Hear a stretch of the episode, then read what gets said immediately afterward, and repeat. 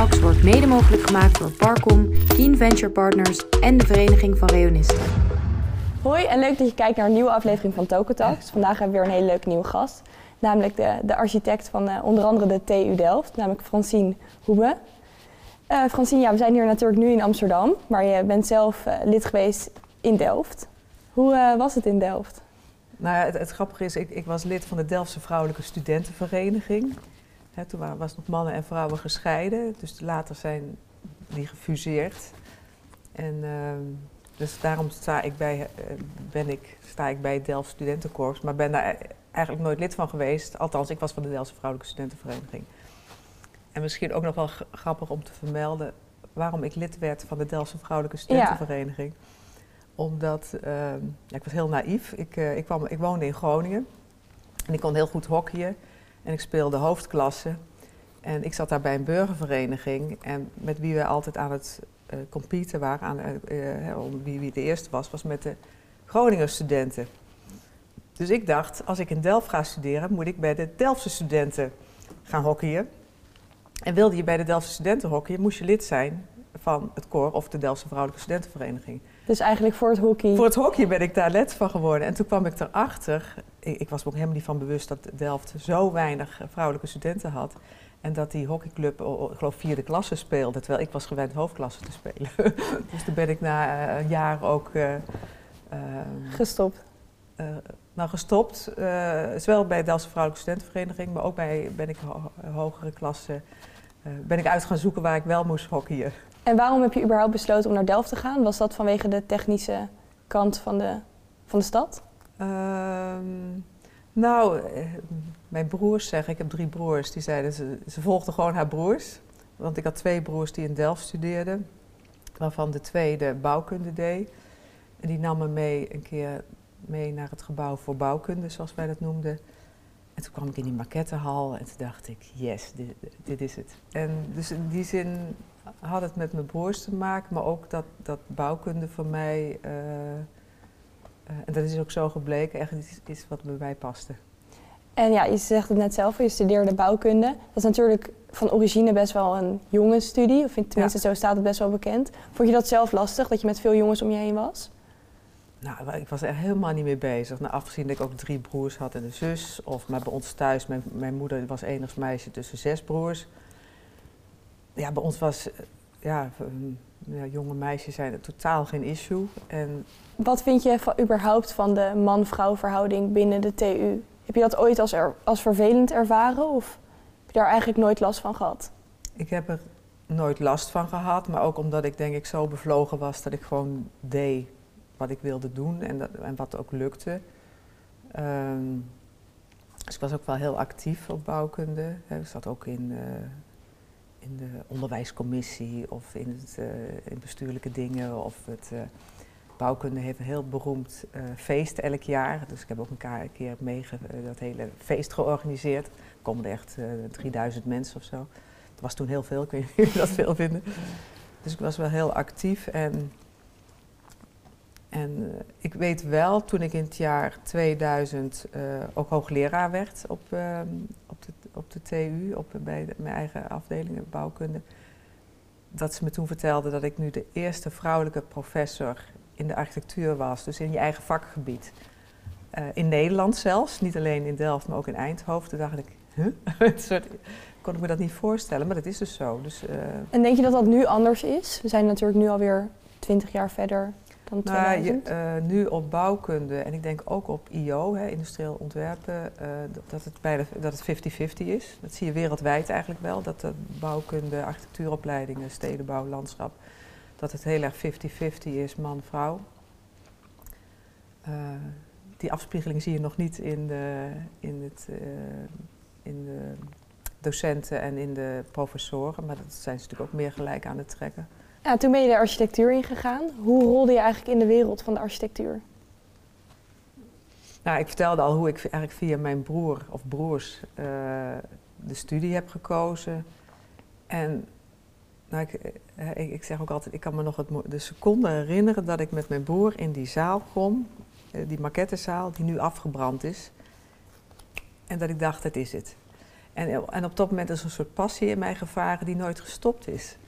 Dus ik ben met zoveel enthousiasme dit allemaal gaan doen. En ehm, ja, het is ook een ontzettend leuke studie om te doen. Maar op een gegeven moment haal je dan natuurlijk het papiertje en dan... Nou, dat was niet eens zo. Ik, uh, jij zegt wel, je haalt het papiertje. Uh, uh, in 1980 werd er voor het eerst eigenlijk een prijsvraag, en toen was ik nog student, werd er een prijsvraag uitgeschreven voor ehm, jongerenhuisvesting aan het Kruisplein, heette het. En in die tijd waren er helemaal geen prijsvragen of nauwelijks prijsvragen. En toen hebben wij met, heb ik met twee studiegenoten en we wilden met elkaar gaan afstuderen. Zeiden weet je wat, doen we eerst met die prijsvraag mee en dan gaan we samen afstuderen. Gewoon om weer even, want iedereen was overal stage aan het lopen. En, uh, maar toen wonnen we die prijsvraag, uh, wat een grote opdracht was. Dus ik had al eerder een, uh, een opdracht en een bureau uh, dan dat ik afstudeerde. Want toen hebben we eerst dit werk ook echt gerealiseerd aan het Kruisplein. Een groot project uh, bij het centrum van Rot Rotterdam. Toen was je dus nog niet eens afgestudeerd? Nee, dus ik heb... De, uh, daarom zeg ik dat de, de, term was toen nog niet eens bekend. Maar met letterlijk een start-up van de TU Delft... die al startte nog tijdens de studententijd. En dat is niet Meccano? Dat is wel Meccano, alleen wij heten toen nog, uh, ja, na onze Dulhoek Besteenhuis... en op een gegeven moment hebben we onszelf Meccano genoemd. Maar het is wel dit bureau, ja. Want met het opstarten van Me Meccano is dus zo begonnen. En hoe, is dat, hoe heeft zich dat verder uitgebreid? Ja, eigenlijk toch heel uh, stabiel en rustig. Dus uh, sowieso start je met twee studievrienden en dan zijn we het project zeg maar, echt gaan realiseren met nog twee studievrienden. Waarom met z'n vijven? Uh, toen hebben we de naam Meccano verzonnen. Waar staat Meccano voor? Nou ja, het is eigenlijk ook een soort... Um, ja, het heeft, uh, Meccano, het, is een, uh, het heeft te maken dat het klinkt als Meccano. Me, uh, me, wij zijn Meccano met één C en dubbel O. En het spel, ik weet niet of je nog kennen, dat kon je mee bouwen. Een bouw, was een bouwspel.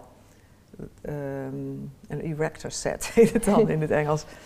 dat heette Meccano met twee C's en één O. Uh, de prijsvraag was, het is een vermenging met een paar dingen. Het is een, de prijsvraag was op een locatie die vroeger de dierentuin van Rotterdam was. En we, we hadden het motto gegeven, O zo, O zoo. Dus de dubbele O is van de zoo. En nou, het was ook nog een tijdschrift van Theo van Doesburg. Dus een soort hele vermenging. Maar het leuke was dat we het ook gewoon lekker vonden klinken. Dus dat we niet als een uh, advocatenkantoor, weet je, al die namen hadden. En... Uh, en gewoon leuk samen opgekomen op die naam. Ja, en, en eigenlijk is het ja, een hele goede keuze geweest. Want hè, uh, in het Engels zeggen ze, Nederlands Meccano, in Engels Meccano. Uh, als ik in China ben is het Meccano. weet je, het is wel een naam die uh, iedereen aanspreekt. En het is ook goed geweest, um, want je hebt ook zo'n proces als je met z'n vijven bent. Weet je, wij waren zo, ik was de oudste nog, ik was 25. En die anderen waren misschien 24 of zo. Ik was een paar maanden ouder, zeg ik altijd. Maar iedereen is op een gegeven moment zijn eigen weg gegaan. Dus ik ben de enige, en ook al vrij snel. Dus ik ben, de, ben echt de founding partner uh, uh, van Meccano. Ja. En dan ben ik toch wel echt benieuwd hoe, de hoe het studentenhuis van een architect er vroeger uitzag. het studenten. Nou, dat is leuk dat je het noemt. Het, is, het grappige is, ik woonde tegenover het koor. Dus dat is letterlijk gewoon, hier was de Delft Studentenkoor. Rollen naar huis. En dat was gewoon, precies daar lag het er tegenover. Had mijn vader uh, een onder- en een bovenhuis gekocht uh, voor ons. Want hij had inmiddels drie kinderen daar studeren in Delft. En wij hebben eigenlijk, uh, ik heb daar wel 15 jaar gewoond. Maar ik denk dat ik wel 10 jaar lang heb zitten verbouwen. He, dus als je zegt, hoe is het studenten? Dus toen wel helemaal bezig geweest met ja, hoe het eruit altijd. zag. Dus het was ook wel grappig, want dan bij het Delft Studentenkoor heb je zo'n balkon voor, ik weet of je het weet, op, op de belle etage. Ja. Dus die stonden daar allemaal te drinken enzovoort. Maar ondertussen zag ik daar de, uh, op het dak de dakpannen te leggen en dakkapellen te bouwen. Ja, ging en, dat echt zo? En, uh, dus ik heb echt uh, leidingen getrokken. Dus als je zegt, het is grappig dat je het vraagt. Je hebt natuurlijk de TU Delft ontworpen. Is ja, dat de bibliotheek, ja. De bibliotheek van de TU Delft. Is dat dan ook het ontwerp waar je het meest trots op bent? Of is dat een ander ontwerp? Nou ja, als je vraagt waar, waar je het meest trots op bent, is altijd een beetje vragen van wat is je, je favoriete kind. Dus dat is altijd het lastige. Maar uh, de bibliotheek van Delft is natuurlijk heel bijzonder dat we dat zo hebben gedaan, eh, was ook heel erg geïnspireerd op mijn eigen ervaring om te studeren op de TU Delft. En, waar, en wat ik heel erg, wat ik er fantastisch aan vond, maar wat ik ook heel erg miste. En dat was heel erg eh, een landschappelijke invalshoek. Dus we hebben het echt, het gebouw ontworpen, dat het, het is een gebouw, maar het is ook een landschap waar je op kan zitten. Met een prachtige uh, ruimte van binnen. En tegelijkertijd is het, was het ook in die tijd, moet je nagaan, dat hebben we in 1995 gedaan. Dat is nu bijna 25 jaar geleden. Ja, 26 jaar. Nou, het is een, uh, de bibliotheek van de TU Delft is echt een combinatie van een landschap en een gebouw, maar ook en de schoonheid van een, een technisch uh, esthetiek. He, dus aan de ene kant is het heel landschappelijk, maar we hebben er een icoon doorheen gezet, een, een, uh, een kegel als een icoon doorheen gezet. En een kegel is natuurlijk eigenlijk een wiskundige vorm. Dus dat spelen met het, het, rationele technische van de Technische Universiteit en tegelijkertijd een landschap willen maken. En die compositie is die bibliotheek geworden. En tegelijkertijd is die super duurzaam. Hè? Dus dat was in die tijd, daarom zeg ik 1995. Um, het is echt de voorloper van sustainability uh, geweest. Dus het is daarom nog steeds het icoon van de TU Delft van ook een, van een engineeringkunst, van een ingenieur, ingenieurskunst, die, um, waarin je dingen integreert, maar die ook heel duurzaam is en waarbij ook nou, landschap en energie een belangrijke rol spelen. Bijvoorbeeld, wij werkten toen al met uh, warmte- en koudeopslag in de grond. Nou, dat was echt een vooruitloper wereldwijd. Wat is een gebouw of een ontwerp dat je eigenlijk het liefst zelf had willen ontwerpen? Wat ik het liefst zelf zou willen krijgen. Nou, is die bijenkorf wel. Ja, ja dat snap ik. Uh, ik. Ik moest ook wel lachen. Ik moest, ik, want ik dacht, god, ik, ik ben nu met de auto hier naar Amsterdam. En... Uh, en ik reed de parkeergarage in en ik kan me nog herinneren dat die parkeergarage volgens ik weet niet meer gebouwd, maar dat is echt best een knappe gevel voor een parkeergarage hier in de binnenstad van Amsterdam. Is het niet ook een beetje vermoeiend om bij elk gebouw dat je binnenkomt of in elke ruimte waar je binnenstapt de hele tijd aan het scannen bent van hoe ziet het eruit, hoe is het gebouwd, ja. wat kan beter? Ja, dat is ook een beetje een tik van me. Is het niet vermoeiend? Ja, dat is ook wel vermoeiend. Dus ook altijd als iemand aan me iets vraagt, dan ga ik daar echt over nadenken. Dus dan ben ik daar s'nachts nog over aan het nadenken. Dus dat is... Uh, ja, maar dat heeft een ander misschien maar iets anders. Ja, ja dat is waar. Ja, we hadden natuurlijk uh, de afgelopen anderhalf jaar zijn we allemaal in de band geweest van uh, het coronavirus. Heb ja. je daar zelf veel van gemerkt? Binnen de bouw, die lag natuurlijk allemaal best wel stil. Nou, de bouw is eigenlijk, de constructies zijn echt, de construction sites, de, de, de, zijn echt gewoon toch doorgegaan, grotendeels. Ehm, voor mij was het natuurlijk een heel groot verschil dat ik normaliter nou, best wat afreis. En dat uh, veel, veel minder is geweest. Ik ben wel nog twee keer naar New York geweest, omdat uh, je krijgt dan een visum als New York je, of als Amerika je nodig heeft. Dus ik, ik voor wat had Amerika je nodig? Uh, voor de bibliotheek, de, de, de, beide bibliotheken die ik daar doe in New York. En ik ga nu ook eind deze maand ga ik er weer heen, op uitnodiging weer, want die gaat die echt open. Dus dat was een hele grote verandering. Het was ook wel een teleurstelling, want eigenlijk was dit jaar, afgelopen jaar voor mij een jaar om echt te vieren, omdat drie grote bibliotheken die wij hebben ontworpen, eentje in Washington DC, eentje in New York en eentje in Taiwan, echt alle drie hele grote publieke gebouwen open zouden gaan. Dus voor mij, ons was het echt. Uh, en daar was lang daarvoor al naartoe gewerkt. Ja, dus dit en, was eigenlijk het jaar. in de wereld heet ik ook de Library Whisperer. In Amerika heet ik zo. En dus dat, maar goed, uiteindelijk zijn die of niet geopend of nauwelijks geopend. En, uh, maar goed, eigenlijk was het ook. Uh, heb ik. Dus de bouw ging gewoon door. Het is, ik heb veel minder gereisd, ben heel veel in Nederland geweest. Maar ik heb er ook, heel, als ik heel eerlijk ben, ook heel erg van genoten. Uh, van, anders gaat het leven heel tijd maar door. En nu was er een soort rust en ook een reflectie. We hebben gewoon doorgewerkt. Wij hebben het bureau, hè, want ik heb natuurlijk ook 130 mensen. Um, dus we hebben het bureau uh, coronaproef gemaakt. We hebben uh, regels gemaakt uh, wie er wanneer mag komen werken. En eigenlijk gaat het, nou, gaat het gewoon heel erg goed. En dan hadden jullie dan misschien geluk dat jullie voornamelijk publieke gebouwen deden en niet per se um, huizen of voor particulieren? Nou ja, dus bij, heel veel, ja, dus nou ja, wij, wij, wij kunnen, heel veel bureaus zijn omgevallen die of alleen woningbouw deden of alleen kantoren. voor projectontwikkelaars. Dat stopte. Maar goed, wij deden eigenlijk al, allerlei dingen. Dus, eh, en ook in Nederland, maar ook in het buitenland. Dus, dus ik zeg wel eh, als een goed aandelenpakket waren wij heel... eh, ehm, ja, we hadden we Divers. goed verspreid. En, tu- en, tu- en natuurlijk een goede, betrouwbare naam. Je hebt voor je werk ook flink wat prijzen naar huis weten te slepen. Betekende die veel voor je? Nou ja, het, het is natuurlijk altijd leuk. Het zijn schouderklopjes, het is erkenning, waar, waar natuurlijk iedereen eh, eh, toch naar verlangt. Ik- word er ook altijd een beetje verlegen van. Dus ik, ja, maar goed, dus ik ben natuurlijk op zich heel blij mee. Ja. Vertel je dat dan wel aan mensen of ben je daar open over? Of denk je zoiets van, oké, ik heb ze thuis, maar dat, dat is ook genoeg Nou, ze hangen geloof ik een heleboel hangen aan de muur.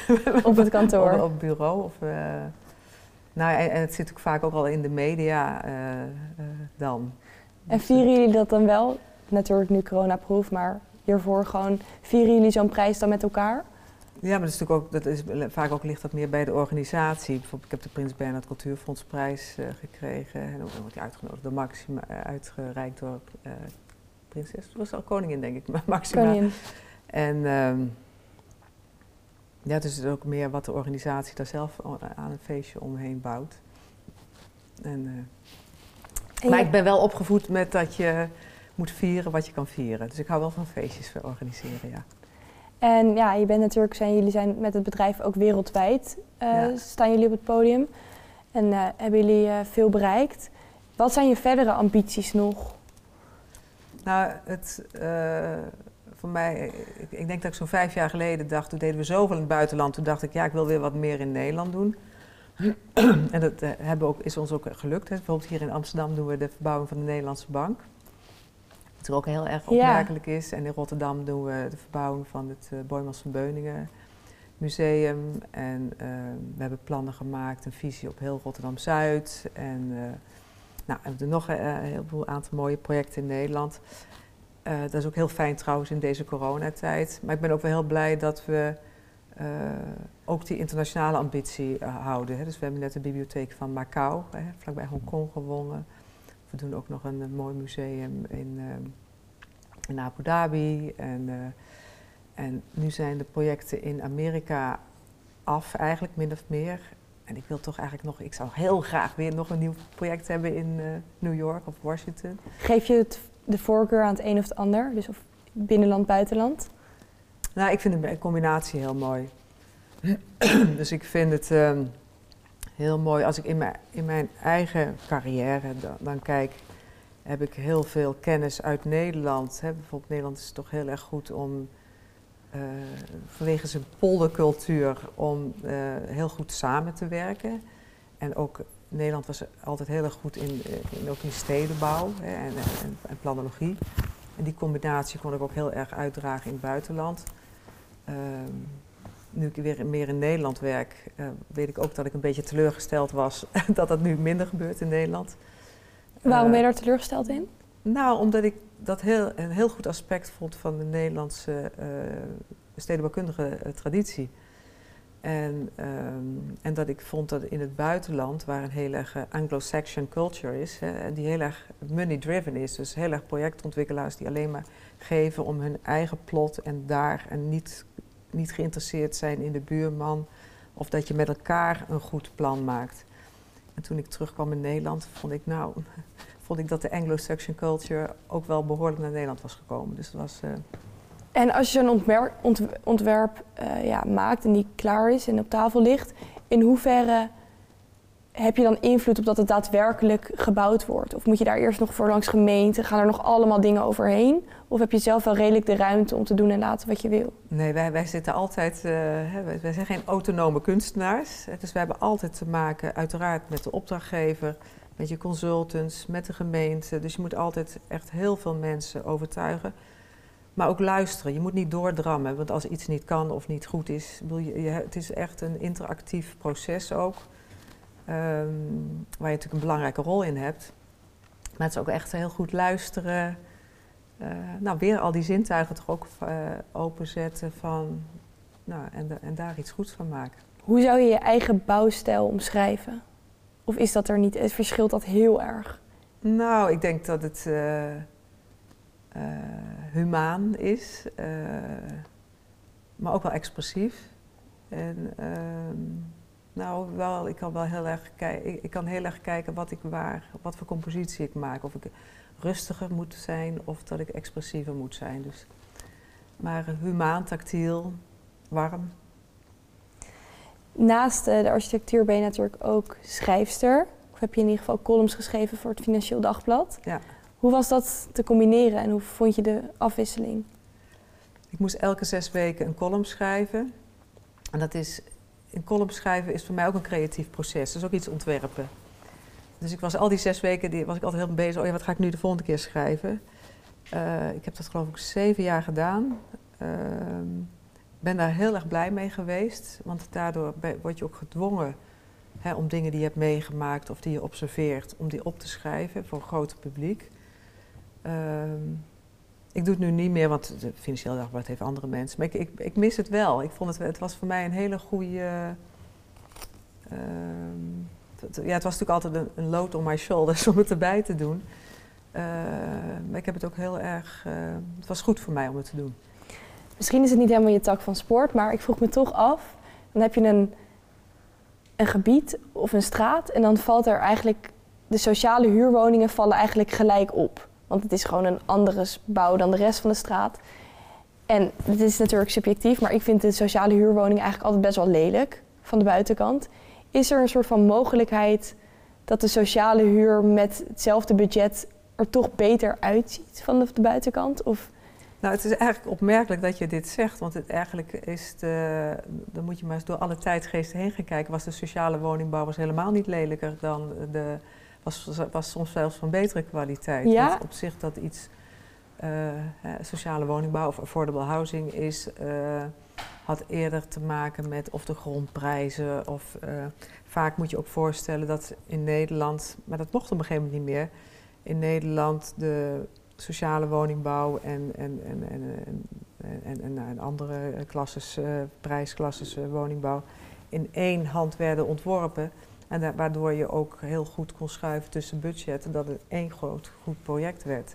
Is het dan nu anders dan vroeger? Want nu valt het mij, ja, soms wel op. Ja, dat denk ik wel. Dus uh, eigenlijk hadden we er een hele goede traditie van, van, in Nederland. Maar dat is op een gegeven moment, weet je, mochten woningcorporaties van alles niet meer. En dat, dat is toch jammer dat dat gebeurd is. En dat, daar lopen de woningcorporaties nu ook tegenaan. Valt maar eigenlijk uh, kan je er trots op zijn dat Nederland een waanzinnig sterke uh, traditie in het maken van hele goede sociale woningbouw. En, um, en heel veel mensen, het percentage wat in sociale woningbouw hoorde, hè, eh, woonde, was heel groot in Nederland. Thierry Baudet heeft ook ergens, die uh, ja, heeft, geen, heeft best wel een ongezouten mening over de architectuur. En hij uh, haalde op een gegeven moment uit naar de architectuur en zei dat er Nederland veel lelijke architectuur heeft. Ja, Heb je dat gehoord? Ja, het grappige is dat ik weet dat zijn zus architect is. Of, ja. Uh, uh, architect stedenbouwkundige. En ja, ik vind dat je dat niet kan zeggen. Dus ik bedoel, ik, ik kan je zeggen, ik heb heel veel over de wereld gereisd. En er staat, de hoge dichtheid van goede architectuur in Nederland is heel hoog. En zeker de grote mast is natuurlijk toch altijd woningbouw. Nederland had een hele goede traditie in woningbouw. Um, en nog steeds. Uh, ik vind dat je dat niet zo kan zeggen. En natuurlijk staan er dingen tussen die niet goed zijn, maar uh, zo kan je het niet over. Dan heb je geen inzicht in. Uh, Mensen nemen dat natuurlijk weer over en dan. Ja, maar het is gewoon niet waar. Ik weet ook, hè, ik weet ook dat er ehm, ook een trend was op een gegeven moment, jaren geleden, om altijd tegen die Finex-wijken te gaan. Maar ik, ik, kan zien wat er in in uh, Zuid-Korea of in, in, China of, in, um, of zelfs in Amerika aan woningbouw wordt gebouwd. Of in Engeland, ga eens naar Engeland toe. Daar heb je dieptreurige uh, architectuur. je wordt zelf gezien als rolmodel binnen de architectuur. Wat zou je de student hier willen meegeven die misschien ook een baan wil in de architectuur later en jou als rolmodel beschouwt?